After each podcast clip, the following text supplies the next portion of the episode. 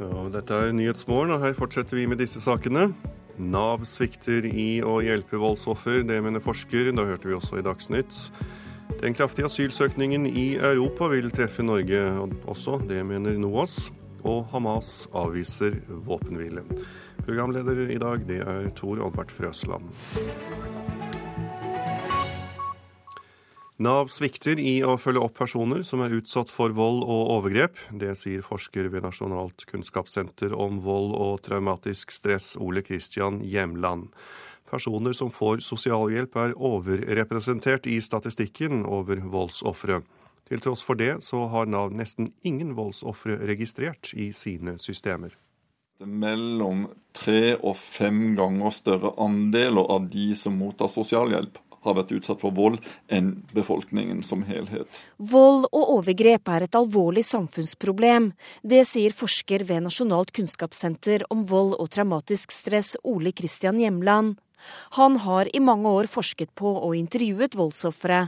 Han er overrasket over hvor lite Nav kjenner til om de som søker hjelp ved et av Navs kontorer har blitt utsatt for vold. Det er altså færre voldsutsatte per kontor i Nav-systemet enn det er i forhold til eh, familievern, eh, barnevern. Det til tross for at eh, det jo er ganske mange voldsutsatte som sier de har vært i kontakt med sosialkontoret, men ikke nødvendigvis da har blitt registrert som voldsutsatte.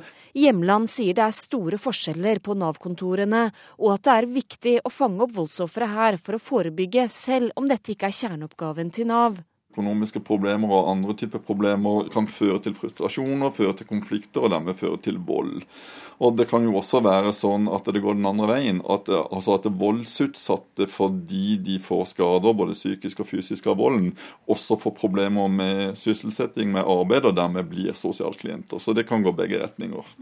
Nav mener de ikke er rett instans for kritikken, fordi Nav ikke er førstelinje for oppfølging eller behandling av voldsofre.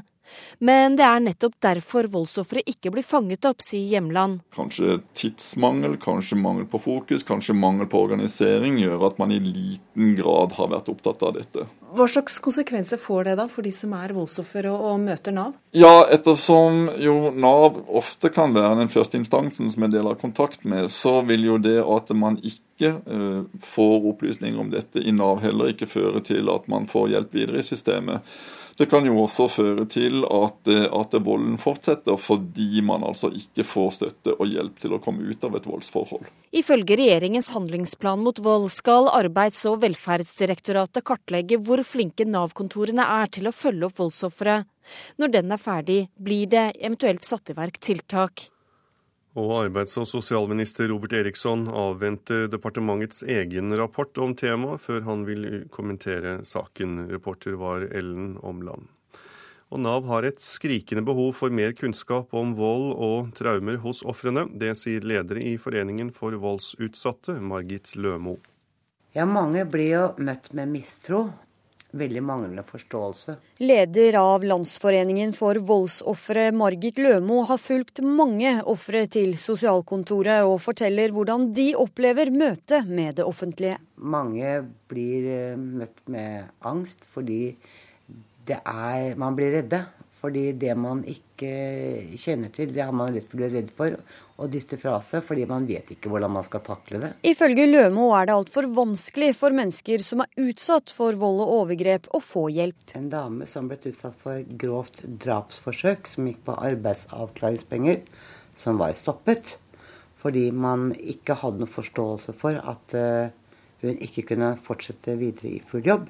Dette var psykiske problemer, man kunne ikke forstå at det hadde noe som helst innvirkning på din arbeidsevne. Hun mener de ansatte må få opplæring slik at de er forberedt på å møte mennesker med traumer og psykiske lidelser. Her er det et stort behov for kunnskapsløft i form av eh, opplæringsbøker av alle som kommer i kontakt og skal hjelpe offeret. For når et voldsoffer møter en person på sosialkontoret som ikke forstår, da blir de utsatt for et nytt overgrep, mener Lømo, det hun kaller sekundærovergrep. Og dette kan ifølge henne få svært fatale konsekvenser. Det er ofte verre enn det primære.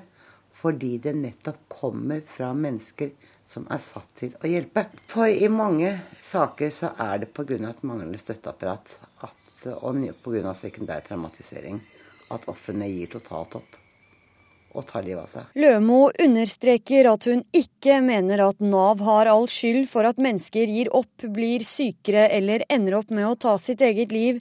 Hun sier flere i offentligheten bør ha utdanning til å snakke med og forstå ofrene, og at vi trenger en rød tråd i systemene. Hun sier det rett og slett er en mangel på empati. Men vi har jo et håp at man kan endres holdningene litt, slik at eh, man kan bli møtt med litt forståelse og mennesker som kan ha litt innlevelse. Reporter var Anna Rydland Nærum. Nå skal vi høre at Norge må være forberedt på at den store asylsøkningen i, unnskyld, asyløkningen i Europa også kommer hit. Det mener Norsk organisasjon for asylsøkere, NOAS. EU-landene opplever nemlig en kraftig vekst i antall asylsøkere. I fjor økte tilstrømningen med 30% i forhold til året før, og har fortsatt å øke i år. Rosa fra Syria forteller om hvor glad hun ble da hun og hennes to barn endelig fikk asyl i Nederland. Situasjonen i Syria var så forferdelig at hun ikke lenger kunne sørge for å holde barna sine trygge. Og det er stadig flere som søker om asyl i Europa. I fjor økte antallet søknader med 30% sammenlignet med året før. Hittil i år har det økt med ytterligere 19 Rådgiver Jon Ole Martinsen fra Norsk organisasjon for asylsøkere mener Norge også må være forberedt på en kraftig vekst i antall asylsøkere allerede til høsten. Erfaringene viser at øh, når man ser en så stor økning av asylankomster til Sør-Europa, så vil også en del av de bevege seg nordover og komme til syvende og sist til Norge. Har dere noen formening om hvem det er som vil komme? Det vi har sett hittil, så har det vært hovedsakelig eh, eritreere og syrere. Altså Dvs. Si mennesker som har et åpenbart behov for beskyttelse. Genuine, reelle flyktninger som vi har et eh, forpliktelse til å gi vern og beskyttelse her i Norge.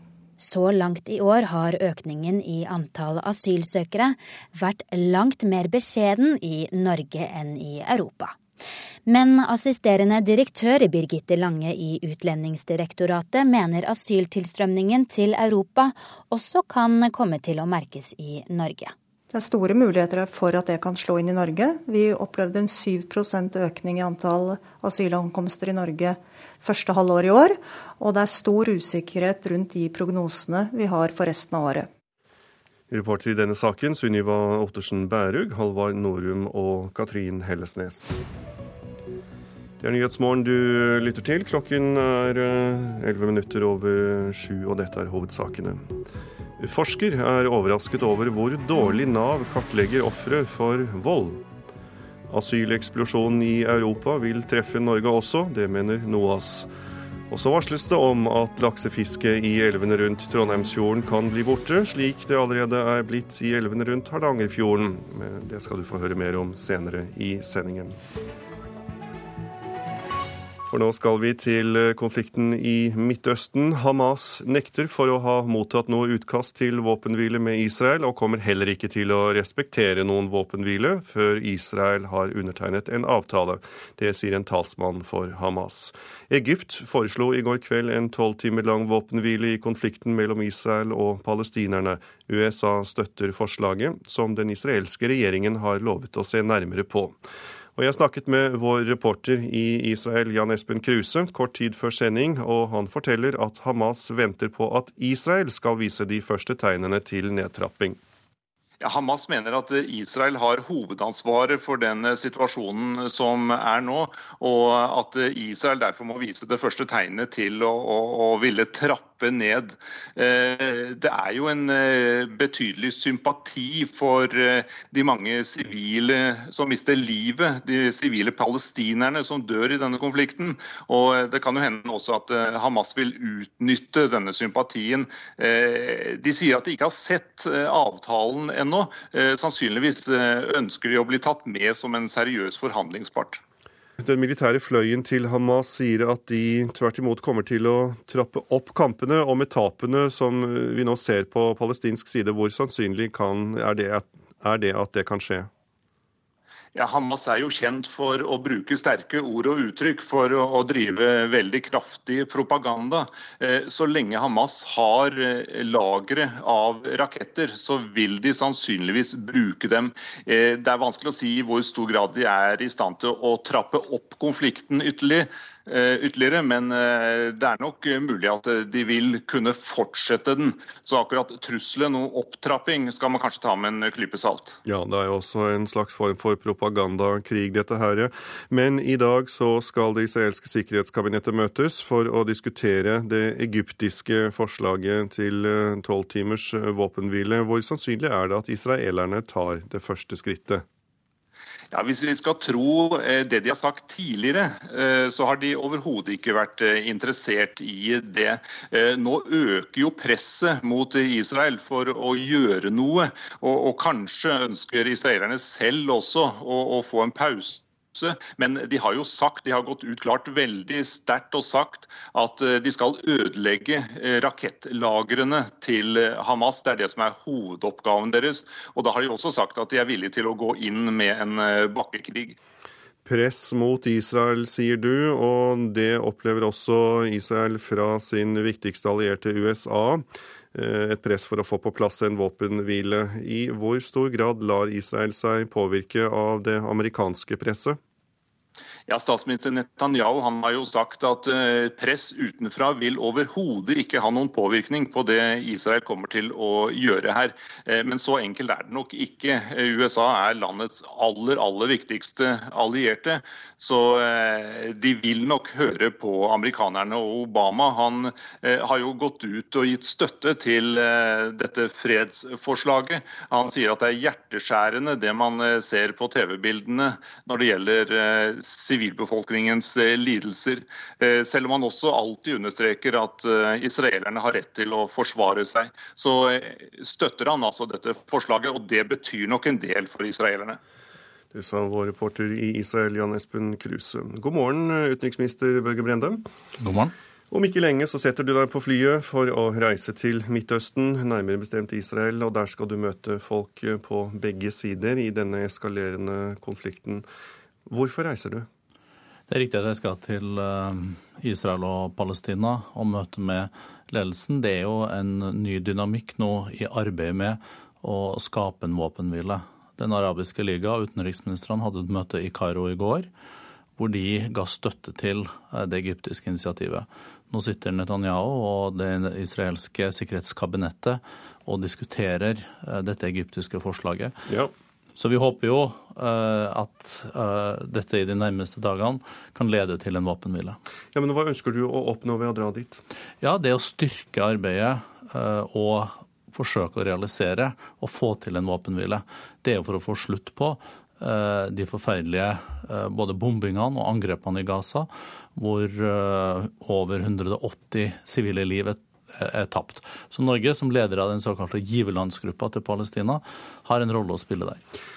Hva tenker du om det vi nå hører, at Hamas avviser en våpenhvile?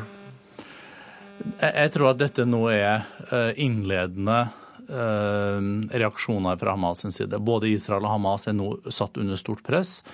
Eh, USA presser Israel, og Den arabiske liga og de palestinerne Eh, og egypterne eh, er ganske klare overfor eh, Hamas. Jeg snakka med den palestinske visestatsminister i går kveld.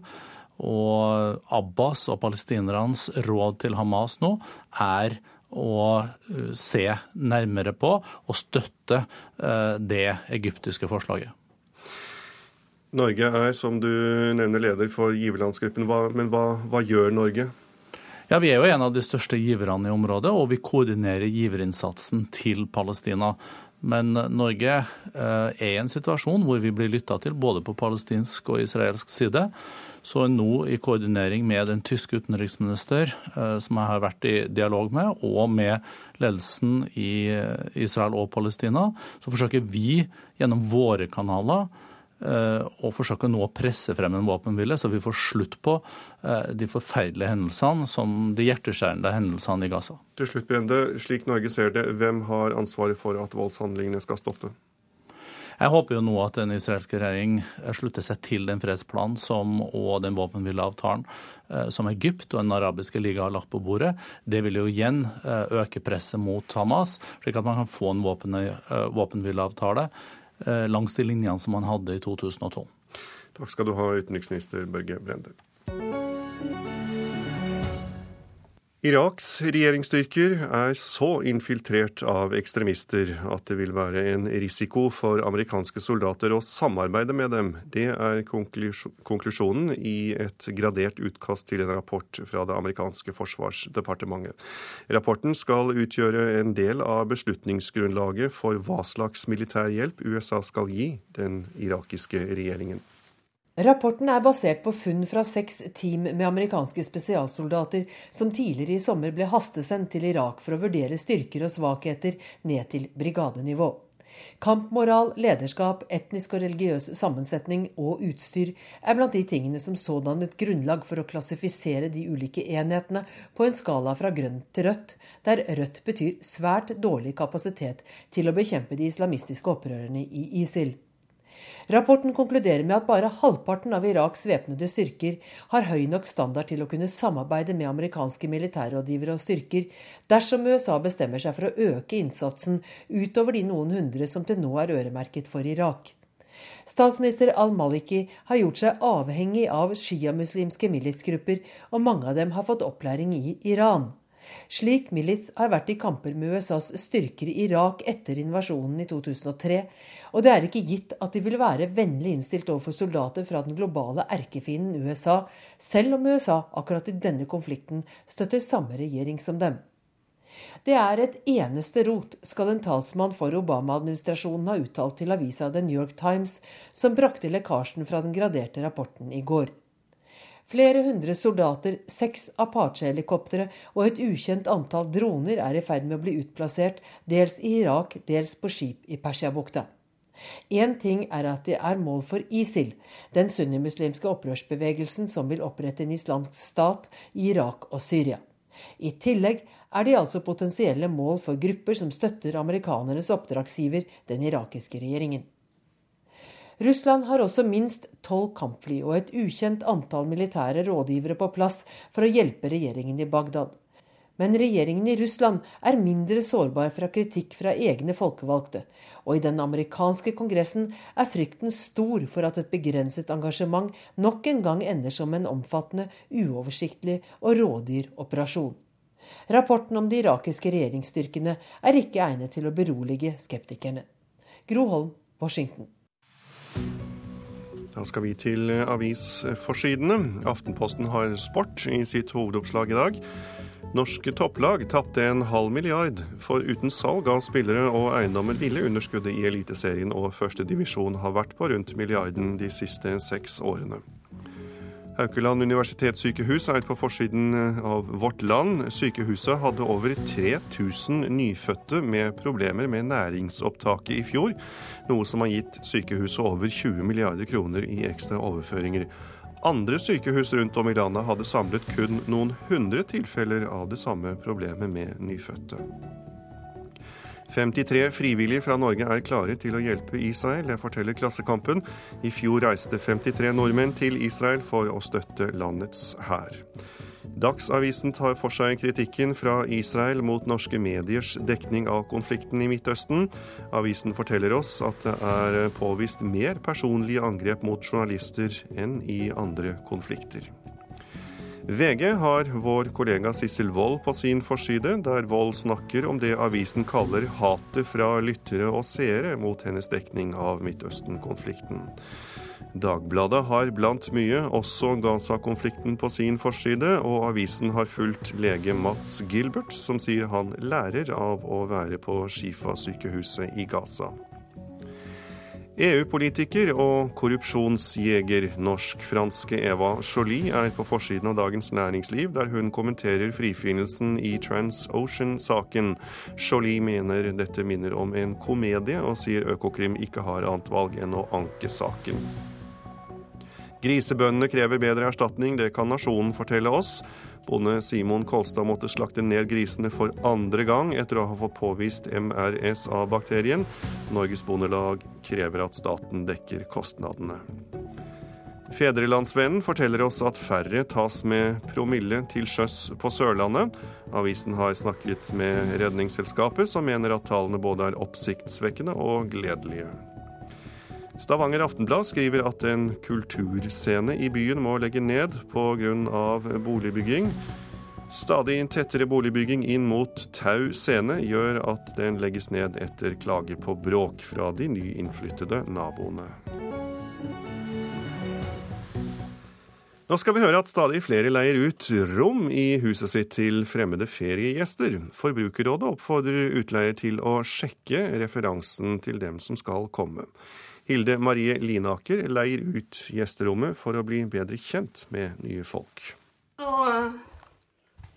har jeg kjøkken her, da, med kaffemaskin og Hilde Marie Linaker i Ratvika i Ålesund bor alene i et stort hus som hun har overtatt etter foreldra. I sommer starta hun å leie ut gjesterommet gjennom nettstedet Airbnb.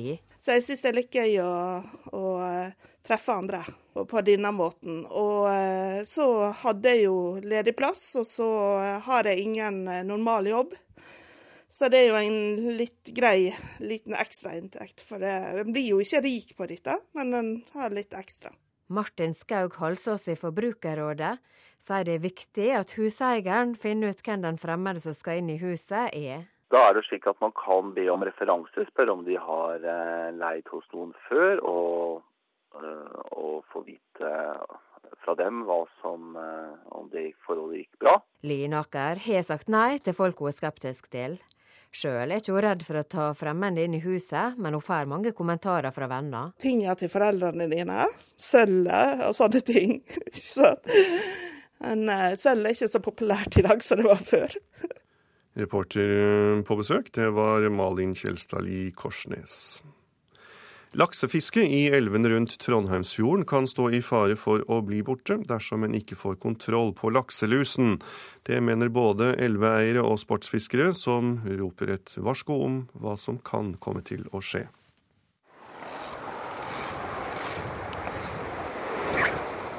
Svensker på lakseferie i Stjørdalselva. Nei, jeg har ikke fått den ennå, men snart så. Kanskje. Snart så biter han? Ja, eller neste år. Så er det med laksefiske. De er her ei veke, seks sportsfiskekamerater. Somme av de har vært her i over 30 år. Andre er nyere i gjengen, som Christer Olausson, som har fått laks.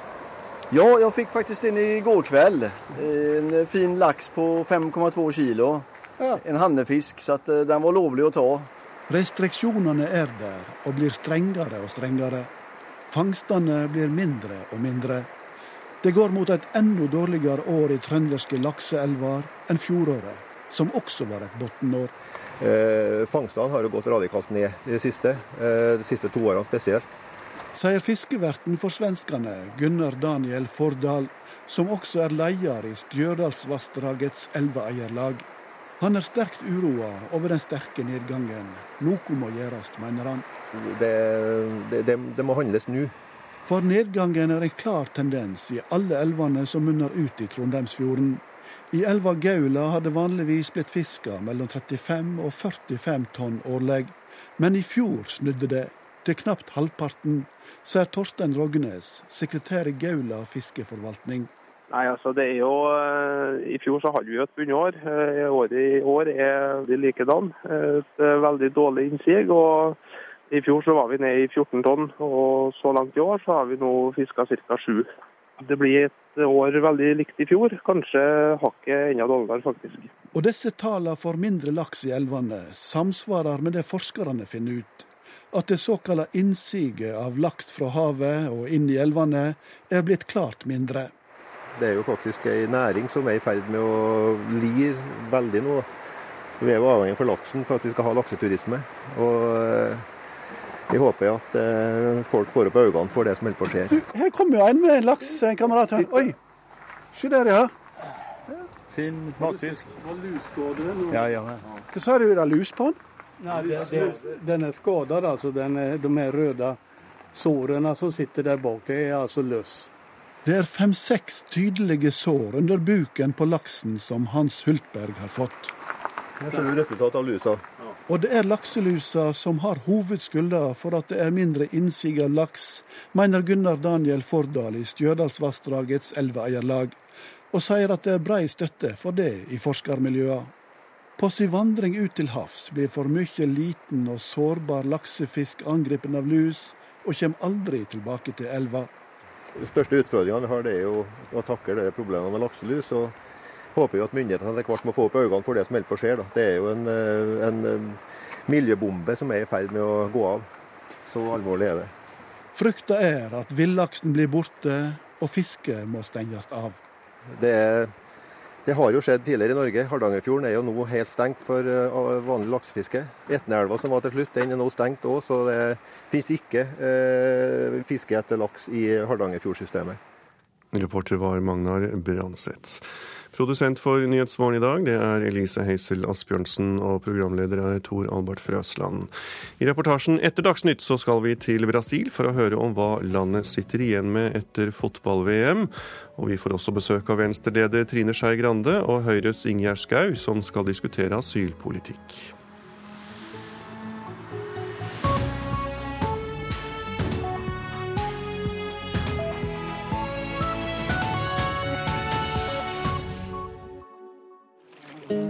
Sommer i P2. Hei, dette er Lisa Cooper fra Leadership Foundation og Democrats Abroad i Norge. I Sommer P2 i dag forteller jeg bl.a. hvordan det var å gå på skole i nabohuset til Bob Marley i Jamaica. Sommer i P2. Kjente stemmer inviterer deg nærmere. I dag klokken ti.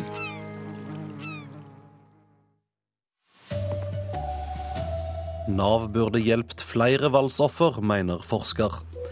Hamas har avvist et forslag om våpenhvile. Det hender Fantomet forlater jungelen og går rundt som en vanlig mann i sommer for å feire norsk 50-årsdag. Her er NRK Dagsnytt klokka 7.30.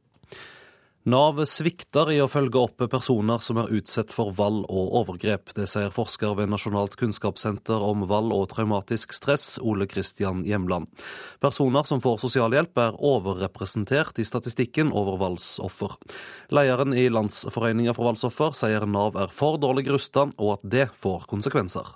I mange saker så er det pga. et manglende støtteapparat at ofrene gir totalt opp. Leder i Landsforeningen for voldsofre, Margit Lømo, har fulgt mange ofre til sosialkontoret, og sier de blir møtt med likegyldighet, mistro og mangel på forståelse. Mange blir eh, møtt med angst, fordi man vet ikke hvordan man skal takle det. Mellom tre og fem ganger større andeler av de som mottar sosialhjelp, har vært utsatt for vold enn befolkningen som helhet. Det sier Ole Kristian Hjemland, forsker ved Nasjonalt kunnskapssenter om vold og traumatisk stress. Han sier Nav er langt dårligere enn andre offentlige etater til å fange opp voldsofre. I forhold til eh, familievern, eh, barnevern. Nav mener de ikke er rette instans for kritikken, fordi Nav ikke er førstelinje for oppfølging eller behandling av voldsofre. Men det er nettopp derfor voldsofre ikke blir fanget opp, sier Hjemland. Kanskje tidsmangel, kanskje mangel på fokus, kanskje mangel på organisering. Lømo mener det er mangel på kunnskap, og at opplæring av de ansatte er nøkkelen. Årsaken til at man ikke blir forstått, det er jo rett og slett at eh, Nav-ansatte ikke har fått opplæring. Ifølge regjeringens handlingsplan mot vold skal Arbeids- og velferdsdirektoratet kartlegge hvor flinke Nav-kontorene er til å følge opp voldsofre. Når den er ferdig, blir det eventuelt satt i verk tiltak. Arbeids- og sosialdepartementet ønsker ikke å kommentere saken. Reportere Ellen Omland og Anna Rydland Nærum. Den palestinske gruppa Hamas har avvist et egyptisk forslag til våpenhvile mellom Hamas og Israel. Både den amerikanske presidenten Barack Obama og utenriksminister John Kerry var positive til det egyptiske forslaget, medan Israel ville vurdere det. Utenriksmedarbeider Jan Espen Kruse i Israel, hva besto dette forslaget i? Ja, Hovedpunktene er at Israel må stoppe alle militære operasjoner, og at de ikke skal gå til en bakkeinvasjon eh, på Gaza. Eh, på den andre siden skal palestinske grupper stanse sine rakettutskytinger. Eh, det er også en del av dette at grenseovergangene til Gaza skal åpne, og at samtaler skal begynne i Kairo innen 48 timer. Hvorfor er Hamas så motvillige til å gå med på ei våpenhvile? Ja, Hamas mener at Israel må ta det første skrittet, fordi Israel etter Hamas' mening er hovedansvarlig for denne konflikten. Eh, og så vil vel naturligvis ikke Hamas eh, virke svake. Eh, Hamas ser nok også at det legges nå betydelig internasjonalt press på Israel for å gjøre noe.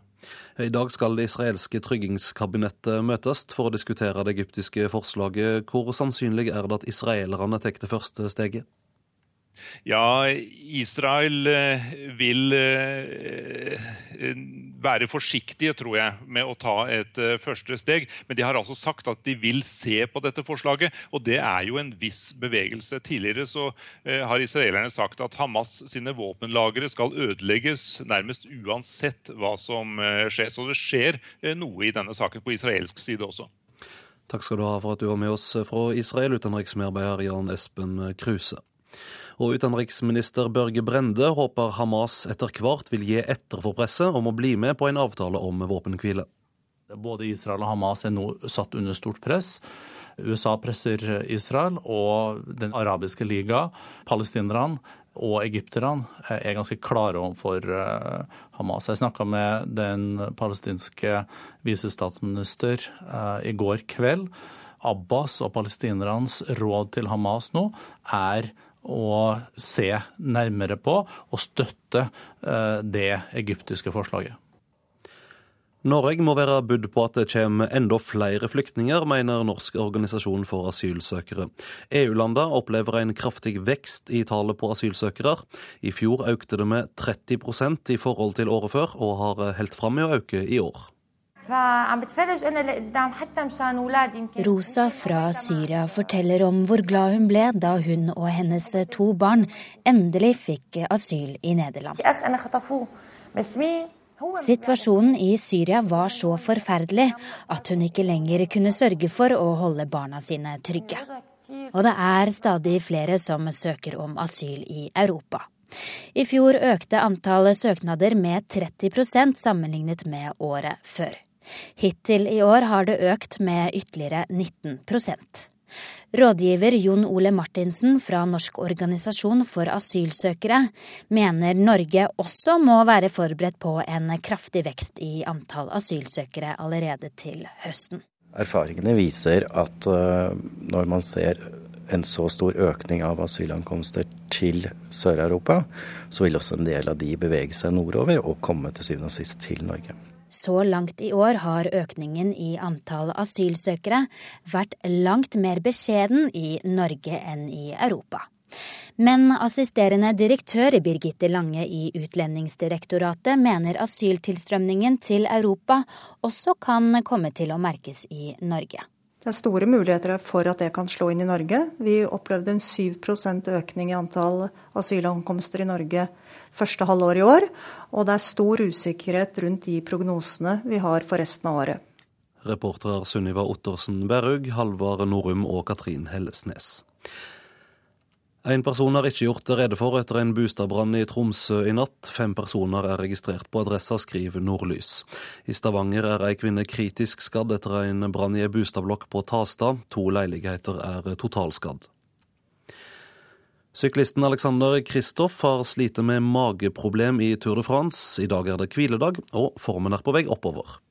Kroppen er bedre. Kjentes, jeg kom meg greit gjennom. Jeg kjente det i siste bakken litt, men uh, da var det bare fem kilometer igjen, så det gikk heldigvis greit. NRKs sykkelekspert Dag Erik Pedersen er imponert over at mageproblemene ikke har hindret 27-åringen mer. Når man har dårlig i magen, så er det tomt på energi. Og det vitner om stor moral, og det vitner om en gutt som er i, i, i veldig, veldig bra Tour de France-form. Nå må Kristoff bruke hviledagen godt, for sjansen for en norsk etappeseier er fortsatt så til de grader til stede, skal vi tro Pedersen. Jeg har stor tro på at Alexander Kristoff nå med hviledag finner fram til de to-tre etappene han kan vinne, og at han kommer til å klare en av de. Det er jeg ganske sikker på. Dag Erik Pedersen til reporter Henrik Agledal.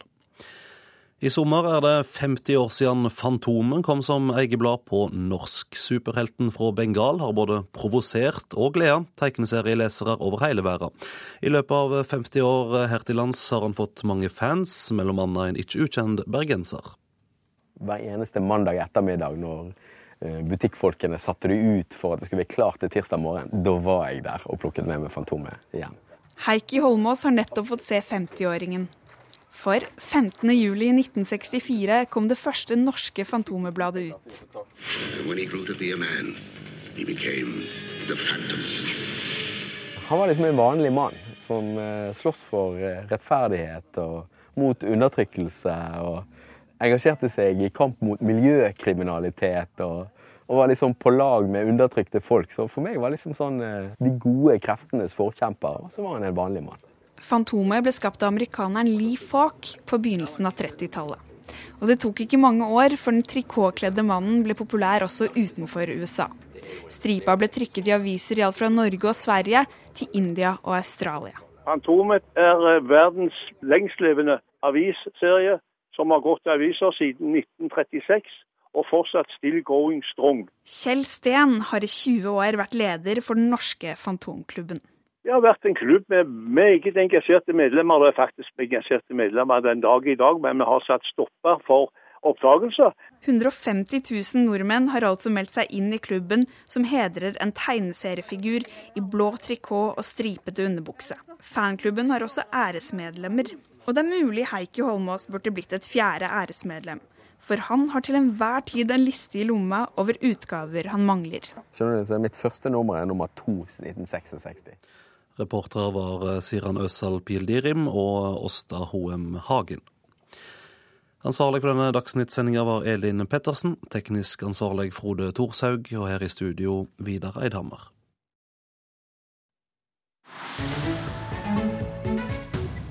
Og her i Nyhetsmorgen skal vi til landet der fotballdrakten er større nasjonalsymbol enn flagget.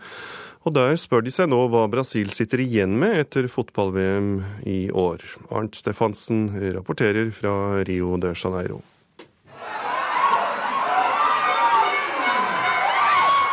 Fortsatt er det dette som preger Brasil. Katastrofen tirsdag kveld da fotballens supermakt ble rundspilt og latterliggjort av Tyskland og tapte hele 7-1. Det største nederlag i Brasils fotballhistorie. Dette er noe svineri. Brasil ble slått i støvlene, sier Eloisa Fernandes, som har sett kampen på en fotballkafé her i Rio de Janeiro. Brasil er bare dritt. Vi får ikke til noe i dette landet. Skolene er elendige, helsevesenet er en katastrofe, og nå klarer vi ikke engang å spille fotball. Jeg skammer meg over landet mitt, sier hun rasende. Og mens fortvilte brasilianere prøver å fordøye nederlaget, er det et annet spørsmål som nå reiser seg. Hva har landet Brasil og dets innbyggere egentlig fått ut av den rådyre festen? Med en prislapp på nærmere 70 milliarder kroner er VM i Brasil det klart dyreste i fotballens historie. Brasils myndigheter har snakket mye om arven etter fotball-VM. Flotte idrettsanlegg, bedre veier og nye buss- og togforbindelser skulle bedre livet for menneskene i de tolv VM-byene. Men bare 30-50% av prosjektene er gjennomført etter planen, samtidig som titusener av fattige er tvangsflyttet for å gi plass til en omstridt byutvikling. Eduardo Tacto, talsmann for organisasjonen Folkets fotball-VM, er sterkt kritisk til VM-arrangementet. Det store flertallet av byutviklingsprosjektene ble ikke ferdige til VM. Samtidig sprenger budsjettene alle rammer. Hvor er pengene blitt av? Hvilken arv er det å snakke om? Vi ser den ikke, og folk flest ser den ikke. Dette har vært et VM-arrangement som har ivaretatt interessene til Fifa-pampene og deres sponsorer. Men Brasils innbyggere ser svært lite av de fordelene de ble lovet, sier han. Fifas president Sepp Blatter i et intervju på sveitsisk TV. Han får ingen kritiske spørsmål, og han forteller hvor fornøyd han er med mesterskapet. VM i Brasil har slått alle rekorder i TV-titting, og for Fifa og store sponsorer som Coca-Cola, Sony og Visa er mesterskapet det mest innbringende og vellykkede i historien. Og når VM er slutt, blir Fifas lokale Brasil-komité oppløst, slik at ingen kan stilles til ansvar for mulig korrupsjon under mesterskapet.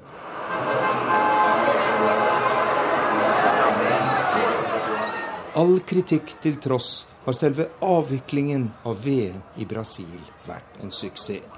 Mange fryktet kaos og omfattende protester etter at demonstrasjoner og alvorlige forsinkelser preget opptakten til mesterskapet. Men som så ofte før her i Brasil, ting blir gjerne ferdige i tolvte time, og når det først gjelder, går det meste som smurt. Transporten gikk stort sett greit, sikkerheten var patent, og den praktiske avviklingen var smidig og effektiv.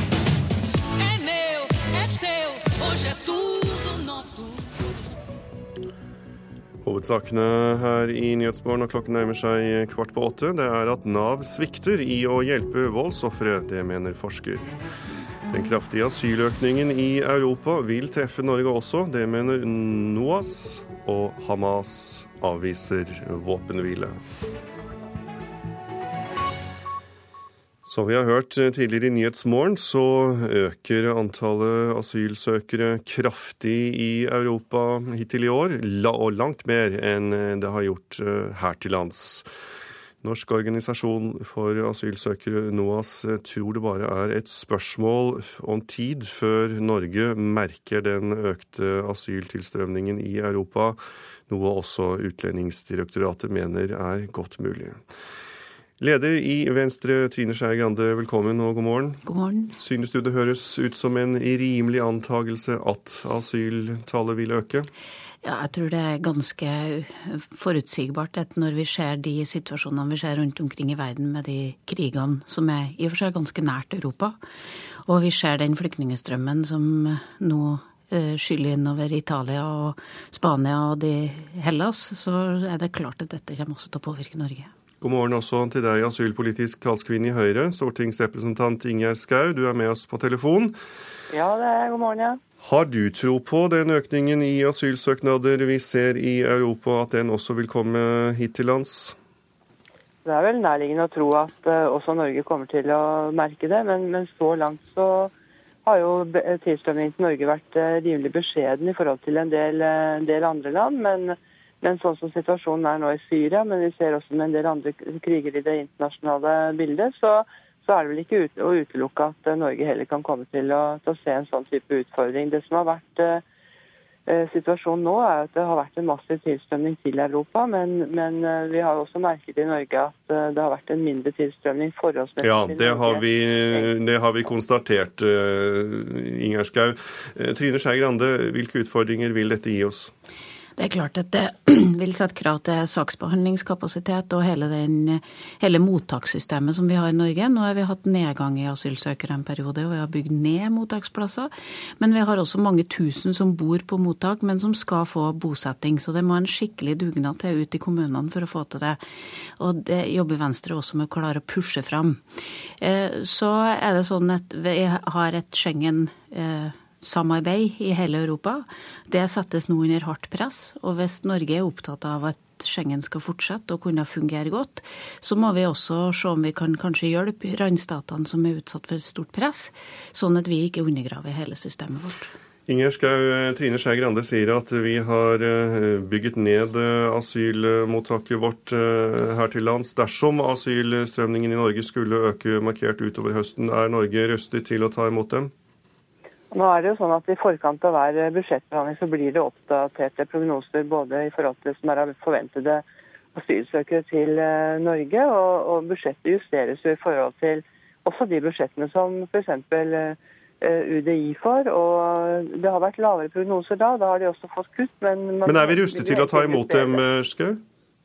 Jeg tror ikke vi er rustet nødvendigvis til å, å ta imot uh, akkurat uh, nå. Vi har altså en arv etter forrige regjering på 5000 som sitter i asylmottak. Og det har vært en, en begynnende god dugnad. Det har vært en nedgang i, i antall asylsøkere på mottak fordi vi har fått flere ut i kommunene. Og kommunene har tatt imot. Men det er klart dette er jo en helhet i en hel kjede. Eh, du skal bosette, skal integrere, eh, og vi har altså Ja, Vi kan ta tak i, i dette skal vi kan ta tak i, i dette du sier med at det sitter såpass mange og venter på å, å komme ut. For dette er altså da øh, asylsøkere, flyktninger, som har fått lovlig opphold her til lands. Trine Skei Grande. En av de virkelig flaskehalsene i dette systemet ser ut til å være da, at det sitter så mange på, på, vent. Eh, staten har gitt dem opphold, men det er opp til kommunene å ta imot dem. Hva skal til for å løse opp i dette? Nei, jeg tror at det er mange måter vi kan gjøre det på. Vi kan åpne mer for selvbosetning, spesielt av ulike grupper. Vi kan se på hvordan tilskuddet til kommunene er. Vi kan se på hvordan vi tildeler disse flyktningene også. Så Regjeringa har lova at de har satt ned et statssekretærutvalg som skal komme med forslag på akkurat det her. Det venter vi i spenning på. Jeg har sagt de må bare ringe oss hvis de vil ha gode ideer. For jeg tror at dette er en av, en av de tingene Hvis vi har fått en løsning på det, så hadde vi også klart å være mye bedre bedre forberedt på det som jeg tror kommer til å være en økt tilstrømning for at vi har så mange kriger rundt oss. Inger Skau, har du ringt Trine Skei Grande for å få noen gode råd? Du representerer jo regjeringspartiet, et av dem i hvert fall. Eh, ja, jeg vet at Venstre har, har gode råd. Jeg ser også at på tallene hvor, hvor, eh, Venstre er med og styrer, så har vi ikke fått noe mer bosetting der enn andre kommuner. Men jeg er helt sikker på at Venstre, men også det tverrpolitiske Norge, eh, har gode råd å gi inn i statssekretærutvalget. Og jeg imøteser imøteser det. Men jeg tror også at uh, Norge tar altså på tredjeplass når det gjelder å ta imot uh, asylsøkere nå. Men jeg tror også det kreves at vi må ha en, en europeisk og internasjonal dugnad. Jeg sitter i Europarådet med 47 andre land, eller vi er de 47. Og, og samarbeidet med EU er, er mer systematisk enn noen gang. Og, jeg tror, og vi har jo saker hver gang jeg er nede i Strasbourg Europaråd, så har vi saker som går på eh, bl.a. flyktningstrømmer, men også asyl. Ja, Men skal vi få ta og, og pense inn igjen på de mer norske forhold her? Eh, fortsatt Jeg tror ikke de internasjonale må løses i samarbeid mellom alle de europeiske land. Det er, ikke bare, det er Norge, men det er også andre. Nei, Men de som allerede er her, Skau, hvordan skal regjeringen få ned tallet på disse 5000 som sitter og venter på å, bli, å få et hjem?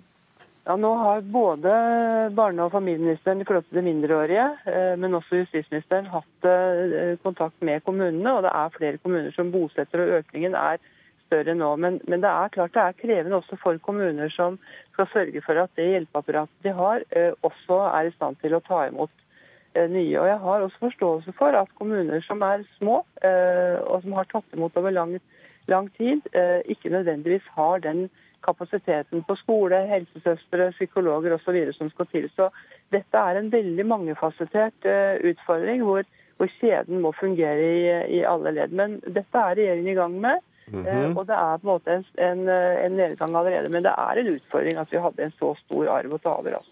Eh, Trine Skei Grande, eh, denne utfordringen som, eh, som Skau eh, nevner, eh, kan det være en løsning at staten i, i ytterste konsekvens tvinger kommunene til å ta imot flyktninger? Jeg tror at vi har veldig mange andre gode løsninger, og hvis det er noe som vi skal tvinge, skal vi prøve det gjennom sjølbosetting. Det er klart at et asylsøkere som har fått opphold, som har kanskje fått en jobb som står klar og venter på dem, som har leilighet som klarer å vente på dem, så, så kunne vi ha tilbudt selvbosetting til de, de, gruppene.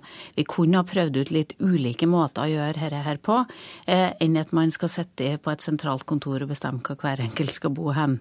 Eh, og jeg tror kanskje at det å koble folk mer opp imot nettverk de hadde fra før, og, og eh, muligheter for å komme seg i jobb som en drivkraft for å kunne få til bosetting, så tror jeg det har fått til mye gode dynamikker rundt integrering også.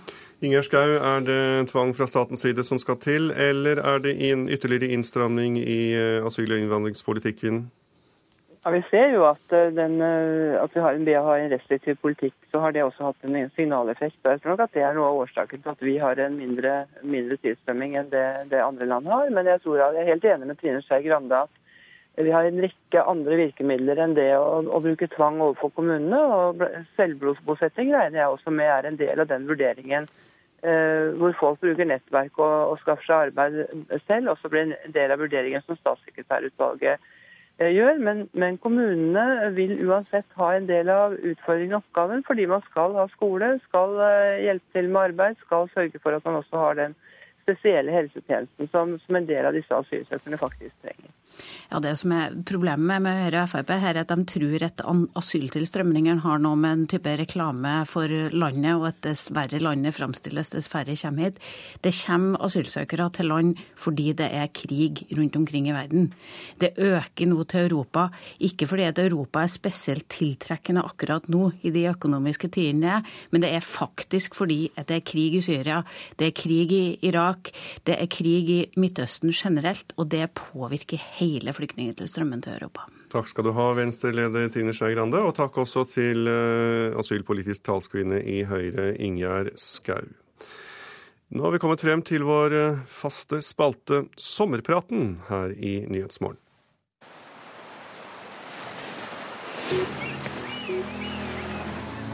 Sommerserien i Nyhetsmorgen. Navn? Mina Gerhardsen. Yrke? Generalsekretær i Aktis, rusfeltets samarbeidsorgan. Hvem som du ikke kjenner fra før, ville du dele en eh, kurv jordbær med? Når jeg spiser jordbær, har jeg ikke lyst til å snakke jobb, så jeg tror jeg ville invitert Ingrid Bjørnov. Jeg har alltid vært en stor fan. Vi har sikkert mye å snakke om, ellers så kunne vi jo synge gamle Dolly-sanger. Jeg kan de fleste. Bør det bli lov å ta seg et glass øl eller vin i parken? Nei, jeg bor i by ved park og ser at det sjelden blir ett glass når folk skal ta seg et glass. Og vi har såpass mange steder drikkes alkohol, så parken kan godt være alkoholfri sone. Gir du til tiggere? Nei, jeg gir heller til organisasjoner som hjelper folk som sliter. Tjener Erna Solberg for lite? Nei, hvis du tjener over en million, tjener du ikke for lite. Kjører du elbil? Nei, jeg kjører T-bane. Vil du ha OL i 2022? Eh, Absolutt. Det kan bli en fantastisk idrettsfest og frivillighet og glede. Kunne du tenkt deg å sende dine barn på privatskole? Nei, noe av det fineste med Norge er at ungene går på samme skole. Jeg tror det er bra for ungene og bra for fellesskapet vårt. Hva tenker du om at eh, kronprinsparet har valgt å sende sine barn til eh, privatskole? De kan selvsagt velge fritt, men jeg blei skuffa da jeg hørte det. Monarki eller republikk? Jeg er enig med alle som syns at vi har et flott kongepar, for det har vi. Men prinsipielt er det umulig å gå være for at posisjoner skal gå i arv på den måten. Så i neste omgang så bør vi avvikle monarkiet? Prinsipielt ja, så er jeg ikke sikker på hva jeg mener i praksis. Hvis du fikk all makt i Norge i én dag, nevn én ting som du ville endret permanent. For Aktis ville jeg nok jobbe for å sikre alkoholpolitikken, at vi skal ha vinmonopolordningen og ha restriktiv linje. Og hvis jeg hadde tid etterpå, så ville jeg sikre at alle hadde et godt bibliotektilbud. Hvilken statsråd syns du har gjort det best i den blå regjeringen? Jeg er veldig fornøyd med at justisministeren har vært så tydelig på at legalisering av hasj er uaktuelt i Norge. Hvem tror du blir den første statsråden som må gå i uh, Høyre-Frp-regjeringen? Jeg er ikke imponert over kulturministerens innsats for frivillighet eller spillpolitikk. Nevn én person som du gjerne skulle hatt med i din organisasjon. Vi trenger jo folk som har eh, egne erfaringer, så jeg tenker at Petter Northug, etter hans opplevelse med bilturen tidligere i år, kanskje har noen tanker som kan være viktige for oss å få innsyn i. Hva ville du spørre ham om? Hva han tenkte etterpå. Uh, han har jo sagt at han nå tenker ved alkoholfrihet år, og hvilke refleksjoner han har gjort rundt den, den bilturen, og, og hvorfor det blei sånn. Da står det bare igjen å si god sommer. I like måte.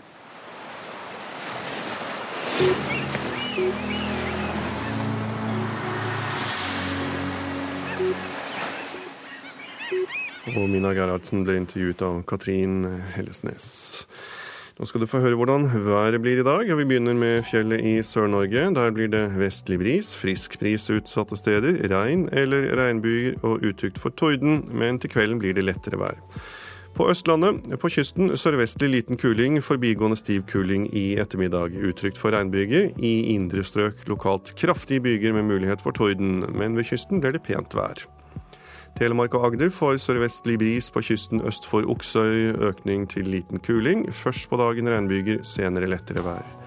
Vestlandet sør for Stad får sørøstlig frisk bris utsatte steder. I ettermiddag sørvestlig. Regn, senere regnbyger. Utrygt for torden i Hordaland og Sogn og Fjordane først på dagen.